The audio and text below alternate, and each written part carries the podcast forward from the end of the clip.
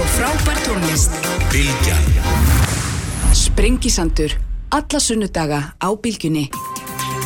Sæli hlustendur þá rúlum við að staða hér á Sprengisandunum uh, þennan uh, sundag þriðja janúar Guðrún Jónsson og uh, Átni Múli Jónasson verða hér í lokþáttar Jóhannes Þór Skúlason verður hér líka Páll Jakob Líndal en sestir í hámir Katrín Jakobsdóttir fósittisráður að sæl og blessuð Góðan daginn. Velkomin, gleðilegt ár Gleðilegt á sem leðs.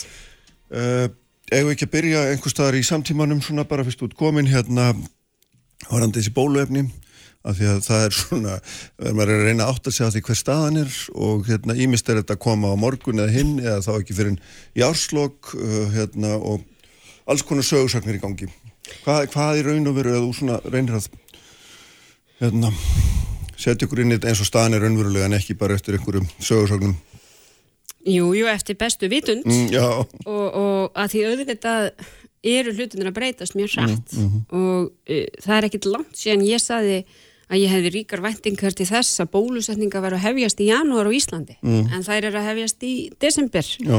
í fyrra já, sem sagt og það já. nú bara fyrir nokkrum dögum. Já, þannig að auðvitað hefur þetta gengið hraðar en ég hefði þórað að vona. Mm. ég menna aldrei hefði ég setið hjá þér hér í vor þegar við vorum að ræða hann faraldur og spá því að það erði komið uh, virt nei. í loka ársins. Þeir sem gerðu það þóttu kjánulegir. Já, já, nákvæmlega, en það voru nú einhverju sem gerðu það. Og það sem er að gerast er að við erum að sjá í raun og veru að því það er mikið kallað eftir fyrir sjáleika, eðlilega, en það er kannski eins með bóluefnin og með veiruna sjálfa, það er mjög erfitt að, að fá einhvern fyrir sjáleiki í þessar áallanir, því það sem gerist er að við ákveðum að fara í uh, samstarf með Európusambandinu Nóri, einhverjum hefur ekki þótt það góð hugmynd, ég tel að það hefur verið rétt ákveðun, af hverju? Jú, með þeim hætti þá bæði þetta njótu við samstarfs við aðrar þjóðir, njótum ákveðins fagleg styrkleika, til dæmis frá Livjastofnun Evrópu og gerðir eru samningar við ólík fyrirtæki. ég, ég held að, að við hefum ekki getað séð fyrir, til dæmis fyrr, fyrr á árunnu 2020, hver nákvæmlega er þið fyrstur til að ná fram bóluefni. E, lengi vel voru allir á því AstraZeneca eru Já. fyrstir, því það var svona virtist ganga best hjá þeim í upphafi. Síðan er það Pfizer sem einhvern veginn uh, nær því raun og verða að verða fyrst. Og, og það sem hefur gerst er að við erum að sjá það að Európusambandið er búið að ákveða að nýta sínar heimildi til að kaupa meira en upphaflega stóð til. Pfizer búðar það að að, að þetta gengur vel hjá þeim að þeir ætla að opna versmiðu, nýja versmiðu í Evrópu Já. í februar til þess að hraða framleyslunni því það eru auðvitað óbóðslegt kapplöp um framleyslu bóluefna akkurat Já, núna. Moderna Annað fyrirtæki er líklega að fá markasleifi á morgun. Þar er Ísland búið að gera samninga uh, um ákveðna bóluefni skamta Og og þá er þegar, talið markaslegu í Európu sem að vantalega gildir hér, það? Já, hvernig er já, þá er raun og verið framhaldinu tökum Já. við það til skoðunar Já. Og, og, hérna, og það gekk nú mjög hratt í tilfelli Pfizer þegar Já. þau fengu leifi í Európu, þá fengu þau kjölfari leifi hér og síðan uh, uh, mæntanlega skýrast á afhendingar á allan moderna í kjölfarið. Ég skil alveg þá sem segja við viljum bara fá að vita að sko verður þetta búið 15. mars eða 15. júni eða 15. september. Já. Ég skil það mjög vel Já. og eð- eðlilega er óþræja í fólki. En það er í raun og veru ekki hægt því við erum í raun og veru að sjá bara hlutin að taka breytingu dag frá degi. Ég átti þennan fræga fund með Fæsir og Kára Stefánsinni og þá eiginlega skildi maður þetta virkilega svona, fekk maður þetta í puttana. Því þar var bara sagt, sko, okkar áallanir breytast mjög hratt. Já, af því að það, sko, við erum að ná í raun og veru þessari uh, virkni í bóluefninu af því þetta er að ganga vel þá sjáum við fram á að við getum ráðist í meiri framlýslu og það var ekki að spyrja að því að síðan fær maður þessa fregnir af því að það er beinlinnins að fara byggja upp nýjar versmiður og semja við nýja aðeila um framlýslu já, já. Af því að það er síðan, sko, þegar maður sér, maður fer inn á við heilbyrðisránundins, þá, þá kom eitthvað svona varfarna setningar eins og hérna að sko reiknaði með því að stór hlut Íslendinga verði bólusettu fyrir sumarið. Já, og eitthvað reiknað með og stór hluti þá sem að já, býtu, hvað er þetta? Er þetta varnagli fyrir það að hérna, maður geti allt eins reiknað með að það verði lítill hluti eða það verði ekki stór hluti fyrir en eftir sumar að þetta er svona, eins og þú segir, þetta er hérna og það er svona miklu uh, sko margar sögur í gangi af því að þessi verið að gera þetta í Kína þessi verið að gera þetta í Rúslandi og þarna allstaðar og við séum einhvern veginn á eftir og Já, ég held að það sé nú ekki rétt. Auðvitað, auðvitað skapast hér uh, svona kapp, skiljið, við sjáum til dæmis bandaríkin sem eru með mjög marga skamta bóluefni en eru ekki búin að koma nema litlum hluta þeirra út, sangat nýjustu fréttum. já, já, Þetta er að gerast sko maður er sjálfur einhvern veginn að reyna að fylgjast með öllum þessum fréttum sem streymað ég held að þetta sé nú bara það sem við getum kallað eðlur varnagli. Já, uh, alveg eins og ég þorði ekki að lofa bóluöfni í desember þegar ég skrifaði grein í november, já, skilur þau nei, þannig að mínar væntingar standa til þess að við verðum komin með meira hluta landsmanna bólusettan hér á fyrir hluta árs. Já, og ég held að þessu alla líkur til þess að það gangi eftir svona út frá því hvað þetta er að gera strætt í kringum okkur. Já, þegar líka var sagt bara fyrir ekkert svo mjög vel ungu þegar mér voru farnir að sjá bólefni þá saðu læknar gerðan að já, við getum klárað þetta á viku. Ef við fáum nóg þá bara mókum við öllum í gegn. Já, já, og það var einhvern veginn hinsagan og hún svona fekk byrjundi báða vangi þetta auðvitað gæti við klára þetta mjög hrætt ef við hefðum skantana sem til þar Já, en það vil svo til að þetta er eftirsóttist að vara heimsins í dag. Og uh, eðlumál sangætt eru livjafyrirtækin líka að vanda sig mjög í því hvernig þau eru að semja við þjóðir og hérna reyna að geta ákveðins í afbræðis í því en við höfum þetta bent á það svo hefum nú líka verið í fréttum að það að, að hér er á landi eru einstakar aðstæður til þess í raun og veru að bólusetja að rætt og fylgjast síðan mjög vel með eftirkostum bólusetningar. Og það er þetta frægar rannsónaverkefni Já, sem hefur verið já, já, rætt að því við teljum okkur hafa innviðið til þess og þú sér það bara þessi fyrsta bólusetning þetta gekk í gegn í raun og veru alveg ótrúlega skömmum tíma. Já, og gleymum því ekki að, að, að sá hópur sem var þá að fá bólusetningur í íbúar hjúkrunarheimila og þegar þau munu fá setni skamtinn þá þetta breytir það öllu fyrir þetta fólk. Skiljiði, þá getur þetta fólk verið að fá heimsóknir já, að þau hafa ekki fengið hér síðan í februar mars. Vinnumst árinu ári síðan 2020 já, já, þannig að þetta auðvitað bara, bara þó að þetta séu lítil skref þá breyti hvert og eitt þeirra alveg óbúslega miklu fyrir samfélagi Já, það var alltaf eiginlega bara græðlega fyndið að hérna þegar að var farið að ræða um þetta verkefni þá hérna gengur nú fréttirnar mest út á það hver hefði verið fyrstur með hugmyndina og hérna og þarna það var svona pissukefni svo kallaðir um það en þarna er, er eitthvað að frétta því meira er, er, er Ég, það hafa bara að fundir uh, og, það, og við höfum svona gert grein fyrir, eða okkar fólk hefur gert grein fyrir, Kára og Þóralur hafa þetta já.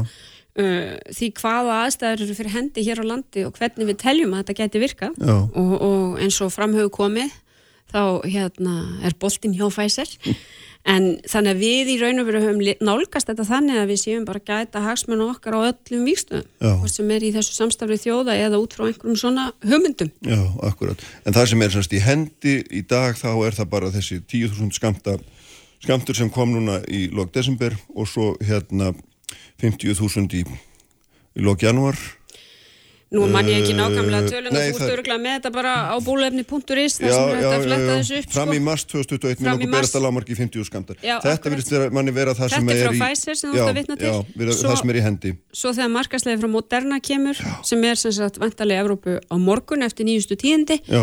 þá ættum við að geta fengið skýrari línur um það svona Já. eh, innan einhverja daga. Já, þannig að þetta svona fyrir, ég meina þetta er bara ert, við erum að púsla saman myndinni. Já, einmitt. Nákvæmlega, þannig að við sjáum hérna hvernig þetta hvernig þessu vindur öllu fram. Já, já, og ég held, ég meina bara að maður eh, svona minni á Mm. þá þetta held ég að við verðum átt okkur á því að við erum ekki að henda burt öllum sóttvarnareglum. Nei, það er ekki þannig. Uh, við munum þurfa að hafa þær við líði eitthvað fram á árið vonandi hægt og bítandi eins og ég nefni hér með íbúi hjúgrunarheimila og þegar starfsfólk þeirra og íbúar eru kominir í skjól Já, þá, þá, þá svona fyrir aðeins að sjá til sólar þar Já, en já. síðan, en þetta verður ekki þetta gerist ekki bara á einni nóttu sko. nei, það er rétt og, þarna, og síðan náttúrulega skiptir ekki síðu máli hvað gerist annar staðar Svo bara þegar við erum að hugsa um ferðarþjónustuna þá Já, já. þurfum við til að mynda að velta því fyrir ykkur þegar það fara að ræða þau mál Já, já. Eh, hvernig einmitt bólusetning mun ganga í öðrum löndum eh, það hins vegar þrátt fyrir allt sko. Þá finnst mér nú alveg ótrúlega hraðir hlutur líka vera að gerast annar staðar. Maður horfir nú alltaf inn í sinn bakgarð sko. En, en hérna þannig að við, ég held að þetta muni gerast smám saman en ég held samt að þetta sé alltaf gerast á meiri hraða en maður hefði þóra á hana. Já, hérna við skulum aðeins víkja frá þessu beint og óbeint sko, en hérna langar aðeins að spurja þig hérna sko þú vaknaður á mótni aðfangadags -hmm. og fréttir að fjármálaráður hefði óvart dottið inn í ásmundarsal ég minna ef ég hef verið fórstur á þess að ég hef sagt bara mjög ljótt á lensku sem ég ætla ekki að endaka en hvern djöfullin er á segði hvernig var þér eiginlega við? Já, ég menna auðvitað voru fyrstu fréttir þær reyndar að um hefði verið að ræða einhvers konar enga samkvæmi eða eitthvað slíkt og þetta við nú skýst allt síðan Jú, jú, jú. En auðvitað, eins og ég hef bara sagt, ég menna ég var fyrir vonbyrðum með þetta atvik Já. og átti mjög gott samtal við fjármálar á þeirran um það. Þar sem ég fór nú yfir þau vonbyrði mín. Mér finnst hann hafa algjörlega bæði gert grein fyrir þessu máli og beðist afsökunar á því og viðkjönt að hann hefði átt að breðast öðruvísi við í þessum aðstæðum. Já, og ég horfi þannig á það að við munum bara vinna úr því. Þetta er ekki mál sem er þessnig vaksið að, að, hérna, sig, að ég ger ekki kröfum afsök þó að ymsir aðrir hafi gert það. Já, já, já. sem, þannig að það er bara þannig, maður vinnur úr svona málum. En það er það náttúrulega ljóst er það ekki líka ef að fórstræðan gerir kröfu um afsang fjármálar áþrann sem er formaður annars flokks að þá náttúrulega er ríkistjórnin já, já, já, já. Og ég menna, hann brást við í raun og veru strax á þessum degi. Fór yfir þessar Mm. aðstæður og e- eins og ég segi baðast afsökunar á þeim. Þannig að hérna, En er vombrið, er það ekki þúldið Viktor, þú lítur á að vera ríkala svegt yfir að þurfa að eigða jólunum í þetta? Ég veit þeir það eru búin að ekki berjast við þetta í tíu mánuði Já, og menn já. séu svona grandalausir eitthvað með einn og hugsanlillir. Já, veistu, ég er nú ekkert eitthvað ef ég væri alltaf eitthvað æla svegt sko, Mm. þá væri ég nú örglega ekki hér en vonsvíkin var ég Já. En eh, og, og hefur þetta engin áhrif á svona andrumsloftið? Er þetta bara mál sem þú reynsar einu samtali eða hvernig, hvernig lifir svona mál? ég menna, sko, eins og ég saði nú reyndar strax þarna eftir, þá saði ég ég hafa áhyggjur af því hvað áhrif þetta hefði á samstarflokkana og ég skinni að það í mínum flokki og fólk var líka uh, svegt á þessu og leit þetta mál alvarlega um augum en auðvitað höfum við bara rætt mjög vel og heðalega saman eftir þetta Já. þannig er það bara Mm Og það bara dögur. Að minnst þú hósti fram á höst. Já, já, ég menna það er bara þannig. Við bara vinnum úr þessu Já. og það hefur ekki, sko, okkar vandi hefur ekki verið að geta ekki talað ærlega saman. Það, er, það er ekki okkar vandi sko. Nei, nei, akkurat. En nú erum við náttúrulega að fara inn í kostningar og þetta skiptir þetta máli því samhengi líka. Við erum þetta að fara inn í kostningaár sem verður bara nákvæmlega eins og önnur kostningaár myndi ég halda og sýnist allt stefni í það. Því sýnist allir vera svona fremur hatt spennustík sem Já, við upphafi ás vegna þess að já. það eru kostninga framöndan það er nú bara svona eðli stjórnmálana Mm. þannig að hérna já, já, ég veit ekki hversu mikil áhrif þetta mun hafa inn í það Nei. En ertu bara alveg róleg yfir þessu vegna þess að nú er maður, sér maður líka að sko, sérstaklega formaður samfélkingarinn er mjög hérna, svona afgýrandi talar um hérna, sögulegt tækifæri til að græna félagsíkistjórn uh, Er ég þá alveg rólega yfir því? Já, Nei. ég menna þú ert sittur í þessari ríkistjórn ég menna er það eitthvað sem þér hugnast ertu bara sittur bara rólega og býður hvað, hvað ertu sjálf að hugsa? Já, ég verð nú bara aðeins kannski að fá bara að rifja upp sko, að þetta er áhugavert sem þú segir, ég meina auðvitað átt enginn kannski endilega vona þessari ríkistjótt sem nú situr síðast og hún verður til í kjölfar í raun og veru tvennra kostninga með skömmu millibili, töluverðs vanda við að mynda ríkistjótt ég tel að við höfum vandað okkur rosalega vel í því að undirbúkja þessa ríkistjótt með stjórnarsáttmála sem hefur verið svona okkar leðaljós í gegnum þetta allt saman. Stjórnarsáttmála nefnilega eru mismunandi hversu mikið vægið þeir hafa og okkur hefur gengið vel að vinna honum. Við höfum forgangsraða málum sem þar er að finna. Uh, síðan auðvitað horfið maður á það. Ég menna, ég las nú aldrei skondna greinum daginn þar sem tala var um að þetta veðmál til vinsalda hjá vinstri grænum hefði ekki gengið upp og ég hugsaði nú með mig hvenar er þátt ekki í ríkistjórn eitthvað veðmál til vinsalda ég er ekki vissum að það sé almennt gott veðmál. Og, og svo er annað sko sem sló mig að því sko Vafki hefur bara aldrei mikið verið í veðmálum til vinsalda hvort sem er í stjórnaranstöðu í stjórn sko. við höfum meira verið bara reyfing sem skeitir ekkert miklu um það. Og það er eiginlega alveg ótrúlegt þegar maður svona les sögu okkar þá er það yfirleitt mér finnst við oft svona emmitt veði á þær ákarnir sem alls ekki munu skil okkar endilega miklu fylgi. Þannig að ég held að sko ég veit í raun og vera ekkert hvernig sko þetta verður gert upp. Mér finnst við það var ná mjög miklum árangri. Mér finnst við hafa vandað til í stjórnarsáttmála. Mér finnst við geta verið stolt af því sem við hefum gert. Ég nefndi hér í, í kryddsildinni og stöð tvö síðasta málið hérna eitt af síðustu málum fyrir áramót var lenging fæðingaraloss sem er risastort hagsmunamál og baráttumál okkar e, til langs tíma.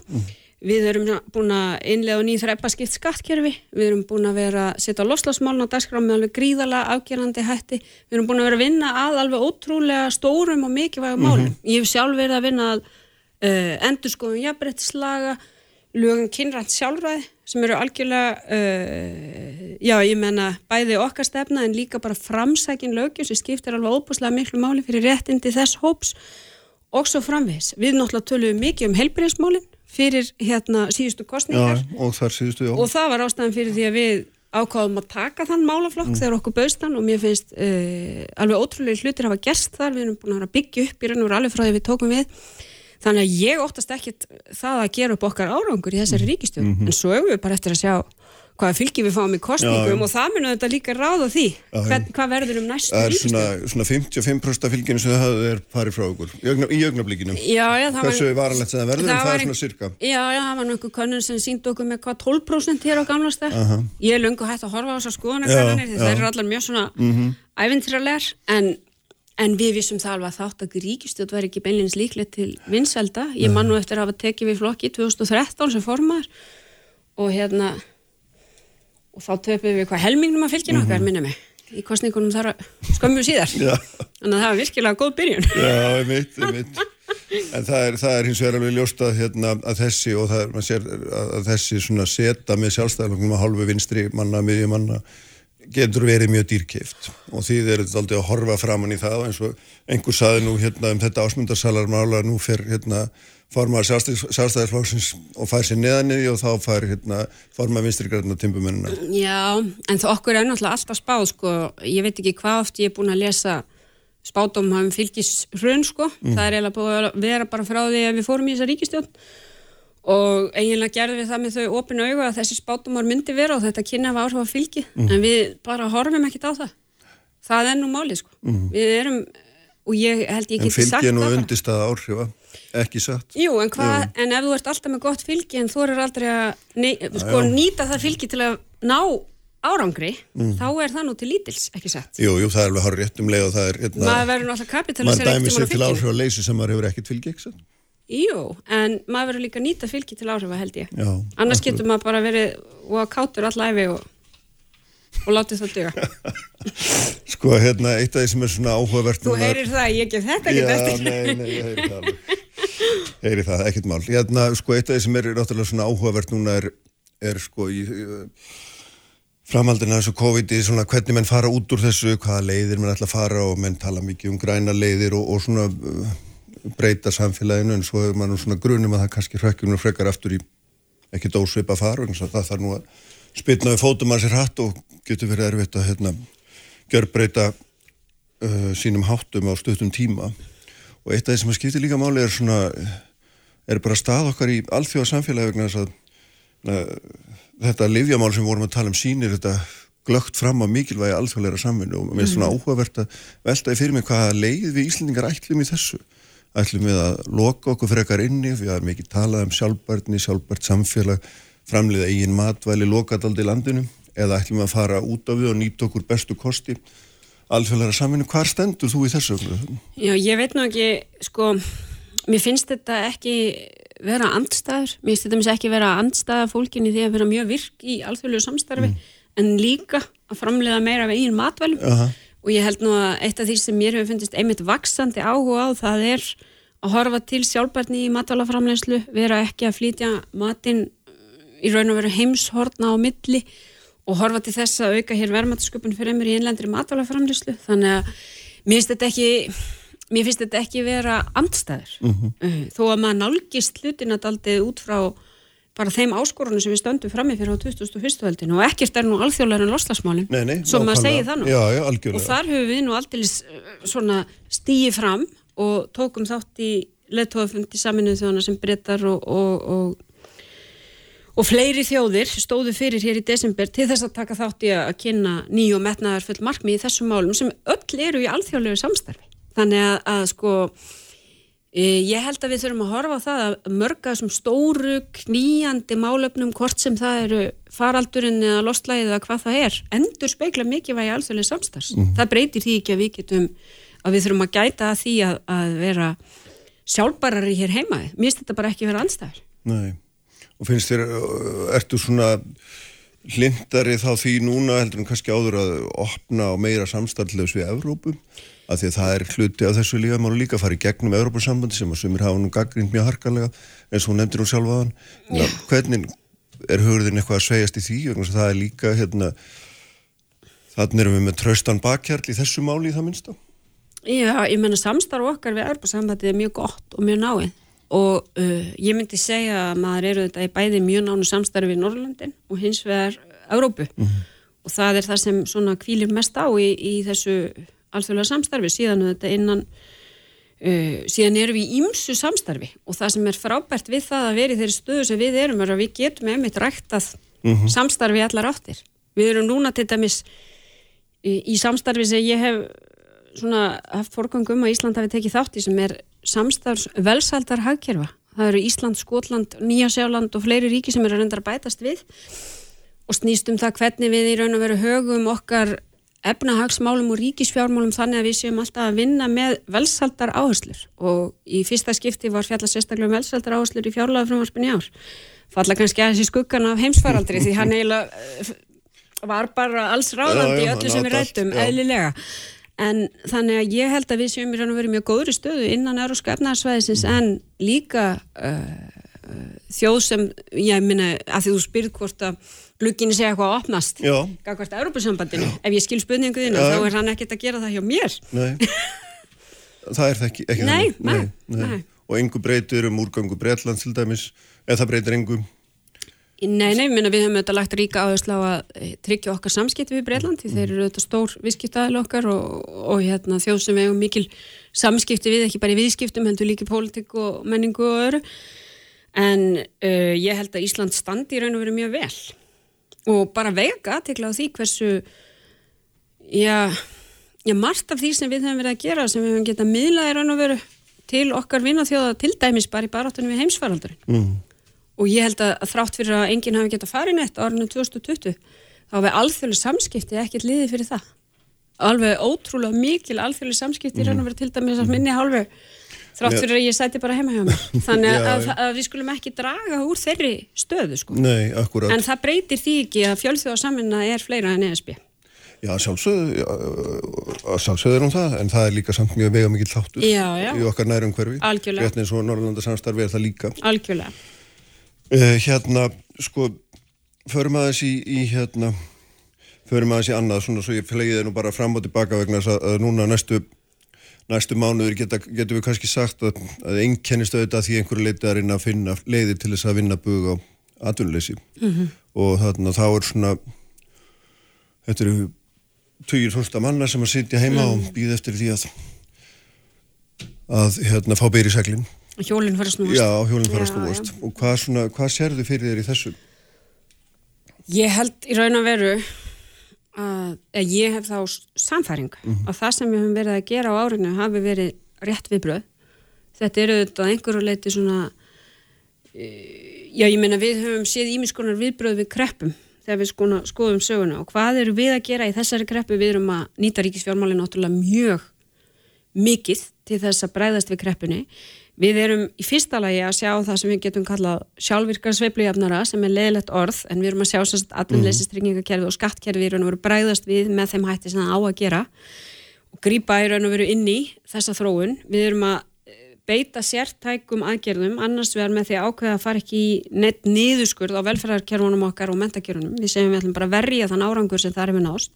Við erum að fara í sértækar aðgerðir bæði til að stiða við fyrirtæki og fólk stiðið við afkomi fólks og stiðið við afkomi fyrirtækja og við erum að fara í aukna fjárfestingu ríkið og það auðvitað uh, gerir það verkum að hallir ríkisjós hefur ekki verið meiri nei, nei. en við gerum þetta með þá trúa leðaljósi að með þessum aðgerðum munum við sjá hlutin að gerast til trúlega hratt uh mhm. -huh. á næst ári að við getum spynt til trúlega fast frá botni uh -huh. að hlutinni fara af stað við höfum nýtt tækifæri til að fjárfesta meira í nýsköpun og grunnrannsóknum og það er pólitið stefnumótun og bakvið það að því að við erum auðvitað búin að vera að benda á að það þarf að fjölga stóðunum undir Íslands atvinnulífi. Við þurfum að sjá meiri verðmötasköpun í öllum greinum og það gerum við ekki nema með því að styrkja sérstaklega við þessa þætti. Síðan hefur auðvitað peningastefnan í raun og veru stutt við þetta og, og þessi sögulega lágu vextir sem eru auðvitað risastúrt lífskjæramál sem gerir það verkum að þessi kreppa byrtist okkur fyrst og fremst í gegnum atvinnuleysið. Uh, við höfum auðvitað gert ímislegt til að tryggja afkomu atvinnuleitenda bæði með því að hækka bætur og lengja tekið tengt tímabil en líka bjóð upp á ný tækifæri í mentun fyrir atvinnuleitendur sem er eitt af því sem uh, virkaði vel hér í kreppunni eftir, Já, já. eftir hrunni 2008 Já. þannig að við viljum svolítið styðja líka fólki að ná sko hugsanlega geta skapa sér í raun og veru ný tækifæri því þessi kreppa skellur á okkur á sama tíma við erum að sjá vinnumarka sem er í mjög mikill í gerjun vegna sjálfvirknivæðingar og tæknithróunar og an, annars slíks. Já, já. þannig að það skiptir aldrei miklu máli að við horfum á að það verður ekki nákvæmlega sama hagkerri sem kemur út úr þessu og fór inn í þetta. Já, já, og eitt af því sem var náttúrulega í gerjun var líka tilflutningur eða flutningur á vinnuafli getum við sagt eða flutningar fólks bara milli atvinnusvæða sem var mjög ábyrrandi á Íslandi þetta Já, já, Hinga kom alveg gríðaleg fjölda fólki og hérna og þetta skiptir auðvitað líka líka mjög miklu máli inn í þessa inn í þessa jöfnu alla saman. Já, já, algjörlega. Og eitt af því sem við höfum auðvitað verið að gera uh, í samtali við aðla vinnumarkaðins er að breyta líka lagaumhverfi vinnumarkaðins eftir jól verður að rætt ný starfskjara lög sem snúast um þætti eins og til dæmis félagslu undirbóðu fleira þar sem við erum að reyna að taka á ýmsum þáttum og íslensku vinnumarkaði til umbóta. Og ég held að það verður nú eitt af því sem verður kannski áhugavert að meta þegar upp eru staðið það eru allar þessar sko Já, í raun og verið þetta sams, á sama tíma og hefur verið heilmikil spenna á vinnumarkaði og allt slíkt. Þá hafa orðið alveg, verið stíðin alveg ótrúlega framfara skref. Nú erum við að fjalla um styttingu vinnuvikunar til að mynda sem, Já, já. sem verður hluti af þessu nýja ári. Já. Þannig að það er mjög margt búið að vinnast í mjög góðu samtali aðla vinnumarkaðins og stjórnvalda og en um leiður, leiður við náttúrulega líka að horfa á það að til þess að skapa öllu þessu fólki eða minnst ástegi lunganum úr því atvinnu mm. tiltölulega rætt og þurfum við að fara inn í mannafsfrekar greinar en ekki einmitt nýsköpunar greinarnar sem eru lengi að vaksa og hérna eru, eru mjög áhættu samar og þar með eru þetta hérna allir ferðarþjónastan talin. En svo segja mér alltaf í, nánast í sömu setningu en við ætlum ekki í sama hagkerfið aftur. Og þarna er einhver er einhver tókstrita, einhver þversögn sem að hérna, er bísna erfitt að ná utanum. Ég menn ætla ekki í sama hagkerfið aftur þá þýðir það að stór hluti fólks mun ekki fanin að vinna Ég veit nú ekki hvort það er svo einfalt, sko, í fyrsta lagi hvað var það nýsköpunina þá held ég að við verðum bara fallast á það, við erum öll búin að tala um þetta. Það er alveg sama hvaða það er fólk þú að finnur því en ég er bara að tala eða um þetta hvaða hagfræðing þú finnur. Allir Já, segja já. að við hefum nú átt að gera meiri í þessu Já, sko, ég, og, nú, en, og þannig er, að það er gott að við er erum að gera það. Já. já, já, en síðan held ég að við eigum eftir að sjá uh, bjarta frandi fyrir ferðarþjónustuna ég hef nú sagt að miðhálendis þjókarur geti nú verið mikilvægur segull sömu leiðis já. og minna þessi einstaka náttúra sem við eigum sem kannski verður enn meira spennandi eftir heimsvaraldur á borðið þann sem gengið hefur yfir.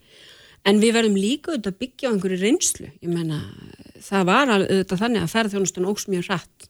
Og, og það var rætt mikið um þólmörkir já, já, undanfærin ár. Þannig að við þurfum auðvitað líka að læra því og nýta þá reynslu inn í þessa framtíð. en þálmörkin miður náttúrulega við eða stjórnlausan vöxt en þau eru ekki aktúel þegar ekkert Þau er að eru gerast nefnilega ekki aktúel núna, Nei. en við höfum tækifæri einmitt til að horfa til þá uh, vakstar sem verður þá í, í sátt Já, já. umhverfi og En- en- samfélag en um og leiðir- ég held að það sé já. mikil tækifæri þar því ég held Já, að það sé já. mikil þekking og mikil reynsla í einlendri En ferðar við erum samt að tala um ferðarþjónustunum sem verður miklu umfangsminni að minnstu þú veist í framann að heldur hún var og þar er fólk, þá er alltaf Já, einhver nú hópur ertu af að horfa bara í raun og vera á þetta nýja ár, ekki satt? Já, ég hugsa bara að þú veist næstu þrjú, fjúr ári myndi ég segja Já, ég ætla ekki að spá fyrir um það, Nei. ekki frekar en margt annað sko, maður er búin að læra það. Já, En ég held að við höfum eftir að sjá uh, í raun og veru ferðarþjónustuna taka mjög vel við sér þegar um, um leið og í raun og veru hvað ferðir þýðir milli það að landa. taka vel við sér? Já, hún auðvitað fekk alveg gríðalega þungt högg og ekki bara Já. ferðarþjónustuna í Íslandi. Ég meina Nei, þetta er alveg ótrúlegar tölur sem við erum að sjá um samdrátt í ferðarþjónustu í heiminn. Það, þú veist, þetta er, já ég er nú ekki búin að segja endanlegar tölur fyrir Nei, árið nei. 2020 uh, skiluru, en spátómanir voru sko frá 80 upp í 90% já, já, samdráttur sko. Já, já, það, það liggur, liggur um upp að þetta er eitthvað svoleiðis það, Þetta er eitthvað slíkt, nánast sko. reynt trún það er, Það er bara þannig. Já, já. Þannig að auðvitað er þetta áfatt sem fólk einhvern veginn það vaknar ekki bara á mótni einhvers þriðdags og segir nú er allt orðið eins og það var fyrir árið. Auðvitað er það ekki þannig. Auðvitað verður þetta hérna, eitthvað sem mun taka tíma. En það sem ég er bara að benda á er að náttúran er til staðar uh, þannig að aðdráttaraflið er til staðar, mm. innveginir eru til staðar þekkingin og reynslan er til staðar og ég held að uh, við eigum alla möguleika mm. til þess að sjá bjarta framtíð fyrir. Aha. En þessi hálendis þjóðgarður hérna, hann hefur eins svona umdeildari heldur en heldur en kannski var við að búast. Fleiri sem hafa hérna, stíði framálýst afdráttarlaust ans, ansnúnunum, uh, fundist hann vera settur upp á raungum fórsendum og mikil miðstýring, allt og stór, uh, hérna, kostnaðasamur, sveitafélónum finnst vera að tekið af sér skipilags og ákvörðuna vald og svo má áfram telja ekki satt. Uh, hérna, Ég held reyndar að bara ef við skoðum sögurna, sögu þjóðgarða á Íslandi þá hafa þær nú yfirleitt verið einmitt mjög umtildir sko. Þannig að ef við bara Já. svona horfum á hana þá Já. Ætla ég ekki að segja að þetta kom mér á óvart Nei, þetta ég er, að þetta er í stjórnarsáttmálunum en, en, en einn af stjórnarflokkunum og meir sér báðir reyndar hafa nú stíðið hart fram gegn þessu. Já, já, og ég menna, ég held að það sé heilmikil vinna eftir Já. í þessu máli, en ég held líka að það sé alveg gríðarlega mikil vinna búin að eiga sér stað og, og Sagði ekki formað framframflokksins að þetta mál væri ekki nógu vel rætt. Menna, er það tilfellið að, að þarna svona stórt mál fyrir gegn og þess að það sé búið að ræða það nógu vel? já, við erum búin að ræða þetta reyndar mjög vel, að mínu viti sko, Já. og það er búið að gera mjög mikla breytingar á frumvarpinu Já. eins og allir sjá sem bara skoða sögu þessi raun og veru og gleymum því ekki að eh, frumvarpi byggir á vinnu þverrpolítiskra nefndar með aðkoma allra flokka Já, á þingi uh, þannig að ég held að það verður nú sent sagt að þetta mál sé ekki vel undirbyggt og vel uh, Mhm. mikið rætt en eigið að síður er það þannig að sagan sýnir að svona mál hafa alltaf uh, verið tölvert umdelt Já. og þess að segja að það er öruglega heilmikil vinna eftir í þessu já, akkurat. Möndu þá samráð þegar þínir falla undir það að vera grenjandi minnihluti? ég ætla nú ekkert að fara inn í þessa umræðu Kristján ég ætla að leifa öðrum að eiga hana. Nei, en þetta er, lítur hljóðun að vera samt ákveðin vombrið að þetta er stórt mál fyrir ykkur urvafki og hefur verið, því hafi verið metadagskrá lengi Þetta og Guðmundur stórt náttúrulega barist Og- og- vel fyrir þessu og búin ef að ég mann vinna rétt þá er vinnu. nú líka meira luti þjóðarinnar tölvert fylgjandi Já, þessu svona, svona þegar síðast ég gáði sko. Já, já, það er alveg rétt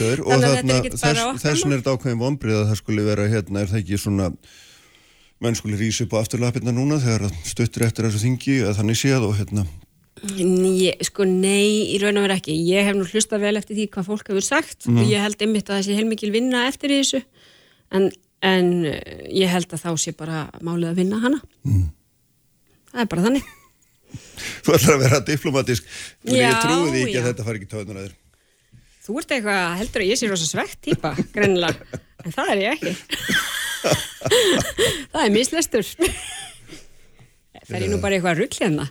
Heyrðu, nei, nei, ekkert mál hérna en, það verður nú aðeins að hérna að- að geta gert grína sjálfum sér. Já, svona í já. uppæðin í sárs en þetta er svona mál sem að hérna er eitt af þessum mál sem að vantlega næst ekki að klára.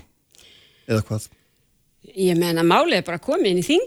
Já. er til meðferðar í, í nefnd. Já. þannig að ég hef nú ekkert ágjörð því og það er heilmikið eftir að þinginu það Já. við verðum að hérna fram á sömar Já, þannig að það verður held ég alveg nógur tími sko. já, er tími til að klára þetta og margt annað sem út af stendur. Já, það er nú svo sem auðvitað er það þannig að hérna síðasti þingvetur var auðvitað mjög litaður af heimsfæraldri og við erum auðvitað búin að vera að afgreða hér fimm fjáraugaleg á árinu 2020 endalaus eh, frumvörp sem lútaði einhverjum sértækum aðgerðum og fleira slíkt þannig að eðli mál sangvænt þá var ímsu frestað og ég held að allir áþurra hafi þurft beinleins að setja mál til hliðar og geima og uh, við hefum bara eftir að sjá síðan hvernig þessu verður lokið. En ég held að þegar upp er staðið og þegar kemur á kostningum í haust þá muni allir þessi flokkar ekkert bara vafki geta sagt að þeir hafi eh, náð töluvert miklu af því sem hveðið er á um í stjórnarsáttmála. Ég meina þetta er, er saminu verkefni Já, já, og ég held líka allir þessi flokka geta í stjórninni get, muni geta staðið upp og verið nokkuð ánæði með svona árangurinn í þessu óvænta verkefni sem við fengum í fangið. Mm. Svo verðum við bara að sjá til hvað gerist sko, þegar kemur á kostningum. Já, sjálfsögum verður vel bólusett og glöð. Vonandi. Ljómandi, Katrín, takk fyrir að komast alltaf Takk sem leiðis. Ég ætla að halda hérna áfram eftir augnablik með honum Páli Jakobi Líndal við ætlum að fjalla um umhverju sálfræði og fleira því skildum Sprengisandur á bylgjunni alla sunnundasmórna. Sæli hlustendur aftur uh, þá er hún farin fram með hún Katrín Jakobsdóttir fórsettisráðura uh, þau verða hér í lok þáttar Guðrún Jónsson og Átni Múli Jónasson. Þar ætlum við að fjalla um, um Íslands deild Transparency International Jónis Þór Skúlason Frankvæmstjóri SAF verður hérna líka á eftir fjallum aðeins um stöðunni.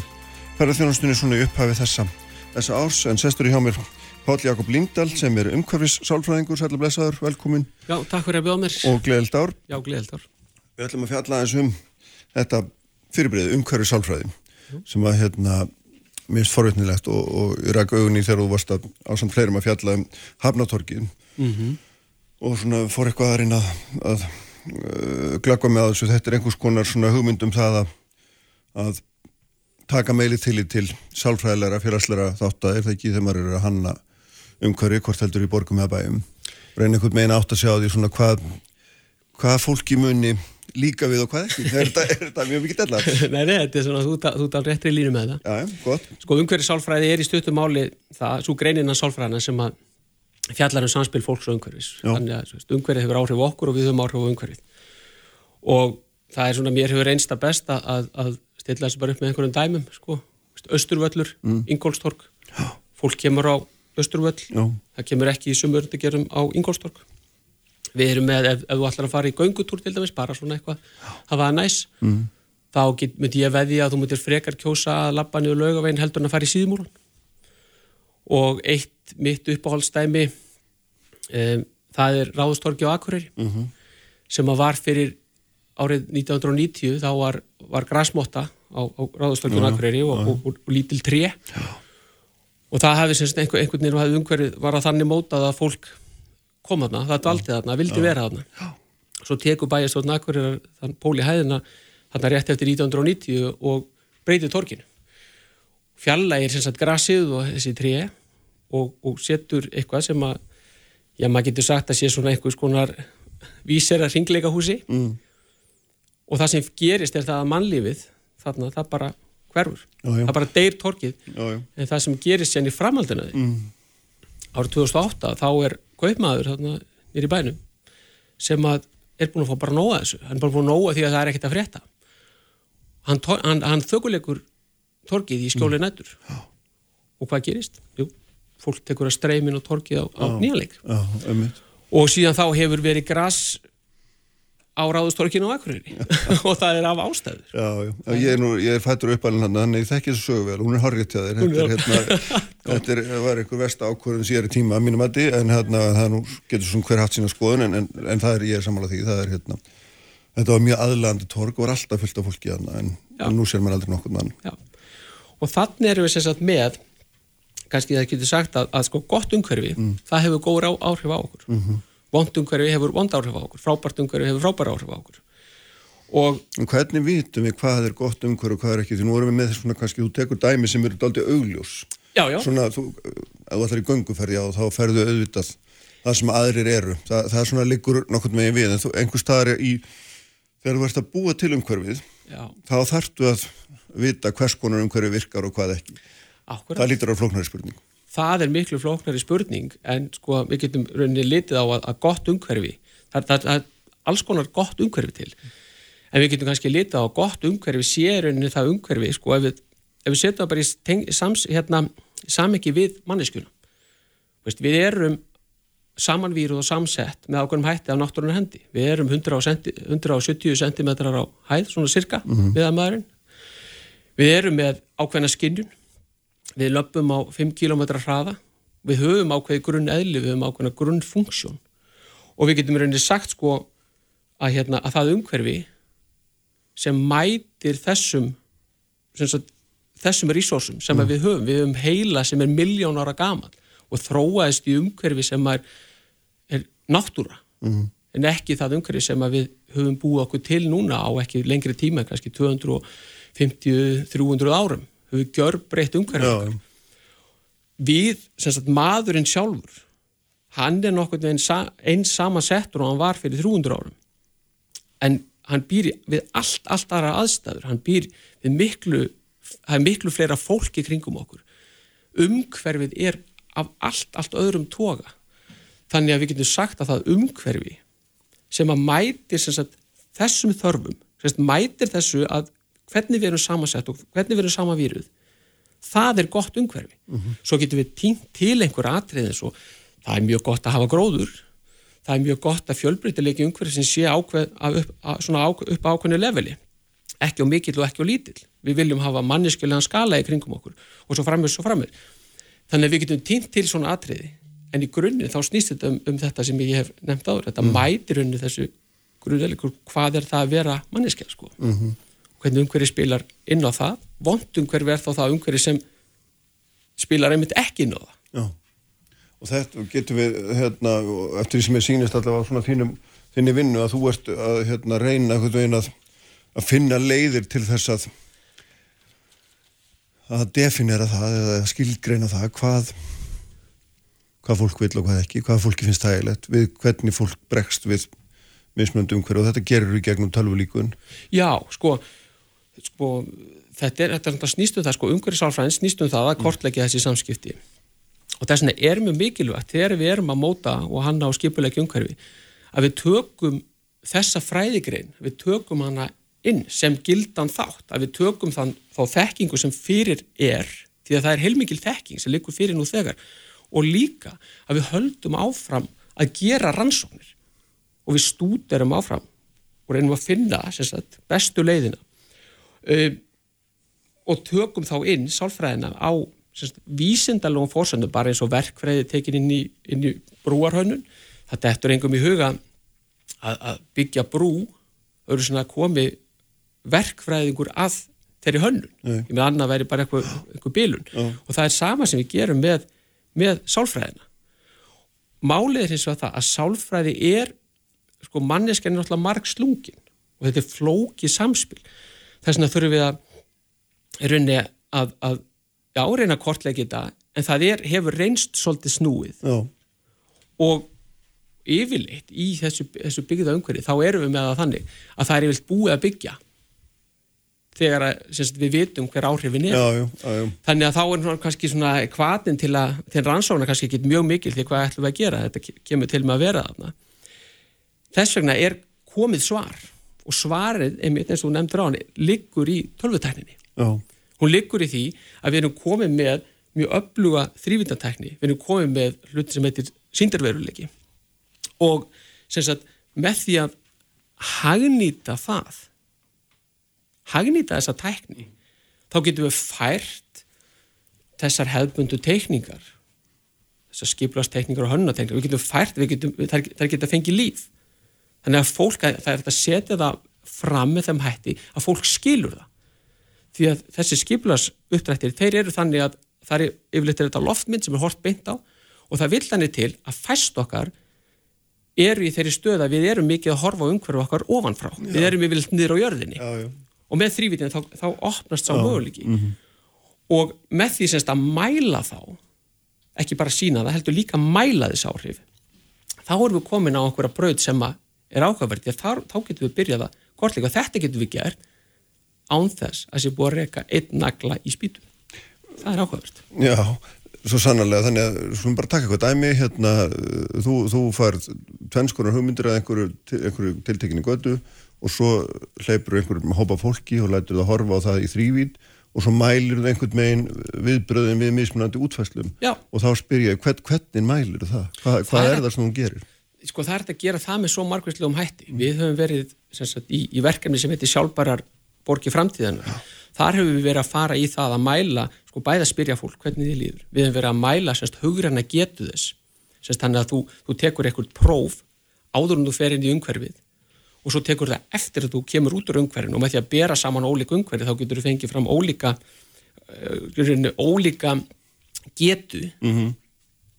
Sem að, er, sem að getur skrifast á umhverfið að hafi haft áhrif sagt, á þessa getu með einhverjum hætti og hafi annarkort dreyið úr henni eða, eða, eða aukið hana við höfum líka mælt lífælisfræðileg viðbröð fólks við tilteknu umhverfið, bara blóðristing og, og hjarslóttatíðni og kardial output og hvað þetta heitir allt saman. Uh -huh. Þannig að við getum mælt þetta á, á, á mismunandi, sagt með mismunandi hætti. Og það er það sem við höfum verið að gera núna frá árinu 2013 innan, það var fyrst, það var verkefni sem, sagt, sem er styrt að Rannsóknarsjóði Íslands og Teknithrónusjóði. Það, það var innan Háskólans í Reykjavík í því að kortleggja og svo að, ekki síður að búa til hugbúnað sem að gerir þessa vinnu aðgengilega. Því eitt af því sem að eigur flækustíð, það er mm. það að sálfræðingar, þeir eru vilt ekki mjög sprækir á tölvu og tölvu að það að búa til þrývít og koma henni í einhvern skikkanett það er ekkert eitthvað sem maður gerir bara með vinstri fyrir alltaf bak sko. Þannig að við erum búin að hanna í gegnum þetta verkefni þá erum við búin að hanna semst hugbúnað sem að gerir þetta kleift með einföldum og aðgengilegum hætti náttúrulega hverjum sem er að, að, að setja upp stúdíur og koma þeim semst á framfæri til fólks mm. og fá viðbröð við því Þannig að ef, ef ég myndi lappa í gegnum þessa götu sem þú ert búin að hérna, teikna upp í þrývít, þá getur við með einhverjum hætti mælta hvernig mér líður, hvað mér finnst, hvort mér þessi gladur eða ókáttur og, hérna, og framvegs. Já, ég, ég, ég get mælta og kortlagt á og ég mhm. get hérna... Og hvernig myndur þú svo nota niðurstöðunar? Svo, það bæði getur að nota þá, að þú getur lagt fram eins og særa tvo mismunandi mm, kosti mm, mm, og þú getur sjá okkur hver, hver er betri. -hmm. Þú getur lagt fram breytingar og það er náttúrulega það sem er, við hefum lagt áherslu það að þetta, þessi hugbúnar og þetta ferðl allt saman, að það geti fyllt skipulas og hönnunarferðlinu eftir. Að þetta sé ekki svo dýrt og þungt í vöfum að menn hérna að, að, að, að sko þrývitinn og þessar rannsóknir séu langt á eftir og það sé bara nánast sko búið að ákveða allt þegar, þegar hérna, þegar að loksins koma niðurstur úr þessu. En með því að hafa þetta semst part af ferðlinu þá eru þetta náttúrulega bara upplýsingar sem koma inn inn í ferlið, þetta er bara feedback sem við erum að fá og þá er að velta því inn í, inn í hönnunarferlið og inn í ákvörunarferlið því að það sem gerist með þessu er það að þú ert að fá input frá bara hinnum almanna borgara sem er náttúrulega ofta tíðum notandi þessa umhverfis. En svo ert ekki síður að, að sko að gefa þeim sem er að taka ákvarðunar betra tækifæri til að skilja um hvað þeir eru að fjalla. Mm. og ég man eftir því að því við erum mikið unni fyrir, fyrir djúbavók að núna mjög nýlega þá vorum við að, að sína skipulag sem er í, er í bíkjær á djúbói og þar segir einn ein fulltrúin hann segir bara þetta er allt annað. Sko nú veit ég um hvað ég er að tala. Þegar ég sé þrývitin þannig að við erum að tala um miklu stýttir í ferla í ákvarðunum miklu betri ákvarðanir. Þetta, þetta, þetta allt kerfi verður miklu skilvirkar og fólk veit hvað er að tala um. Það gerir þá verkum.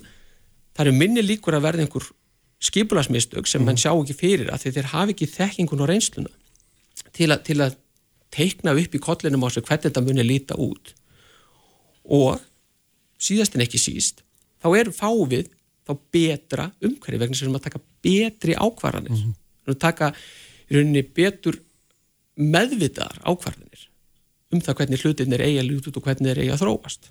Þannig að ef við tækjum eitthvað konkrétt dæmi til dæmis að þú tjáður þeim þetta hafnatorgum dægin hérna, hérna nýri Reykjavík sem að, að þá, þá ef við hefðum uh, notað þetta ferli sem þú ert að nefna þá hefðum við getað hreinsað út úr þessu hérna, eitt og annað sem við sjáum eftir að búa þeirra byggja hefði geta verið öðruvísi getað, það er það sem ert að segja mér Já, ég er að segja það Já. Já. Og, og, og hafnatorgi er náttúrulega svona dæmi um einmitt veist, þetta, þetta er miðbærinni Reykjavík þetta, þetta, þetta, þetta er bara hjartað í bænum sko. og, og það hefur náttúrulega þetta svæði hefur gríðarlega sterkar tengingu þetta er sterkar sögulega tengingu þetta er útsýnir yfir á Esuna og Akrafjallu og Skarðsíðana Sundin Snæfellsjökul og hvað þetta allt saman heitir og, og það eru margir sem tengja við það og, og þannig erum við komið með það er bara búið að byggja einhvern múr mm. fyrir Já hefðu við geta gert þetta öðruvísi, hefðu, verið, hefðu, hefðu verið hægt að stilla þessu upp með öðrum hætti bara til að sjá sko, hvað, mm. hefði, hvað hefði skorað best uh -huh. og það er ekkit endilega verið að tala um sko, ég meina sko, við erum ekkit endilega að tala um það að, að, að þetta er bara átt að vera allt í gömlum stíl og, og, og, veist, og eitthvað Nei, slikt sko, að fara, til, fara til fortir heldur bara við fengið betri ákvarðanir ef við geta stilt upp möguleikum, mm -hmm. skoðað, rannsókað, lært eitthvað af þessu Já. í staði fyrir að, ég ætla að kalla, að vaða áfram með svona konsept eins og Já. þarna og ég bara verða að segja, ég, sko, ég hef ekki hitt marga sem að eru, og ég bara hef ekki hitt neitt, sem að tala um það að þetta sé vel hefnuð uppbygging. Mm -hmm. Það er bara, ég hef ekki en kannski er ég bara í einhverjum einangurum hópi, ég veit ekki en, en, en, en það er allavega ef við horfum út frá umhverjusálfræði að þá eru, þá eru mjög mörg hérna prinsip þar brotur. Já, en þetta er þetta líka þannig stundum að tíminn hann vinnur hlutum sess sem að þeir fá ekki upphafið, það er Já, já, já, já við skulum ekkit vannmetta það, nei, það, nei. það það getur vel verið þetta vinni, vinni á En að því að þetta er náttúrulega líka snertir það sem er að því að þetta er, sko, það að setja niður hús er, er einhvern veginn svo, uh, það er svo endanlegt. Þú setur niður hús sem er algjörlega mishefnað og allir sjá það, en það er, það þú myndi eiginlega aldrei fjarlæða, það er eiginlega bara nefnað að ringi bara. Og þannig að þetta er svo, þetta er svo endanlegar ákvarðinur og þá veldi maður þetta fyrir sér ljósið þess að segja og, og líka bara ljósið þessara umfylgir sem þarna var að svona, að auðvitað er þessi ákvarðin oft í höndum á fólki, sveitastotna fólki sem að er, er svona bara amatúrar bara eins og, eins og hver annar út í bæ í sjálfu sér sko. Já, algjörlega það, sko, það, þetta, þetta er nefnilega að skipulag er flókið, bæði er bara, sko, bara viðfóngsefnið mm. er flókið en svo er það með þessi varanleiki sem er svo hann er svo, hérna hann, hann vegur svo þung mm.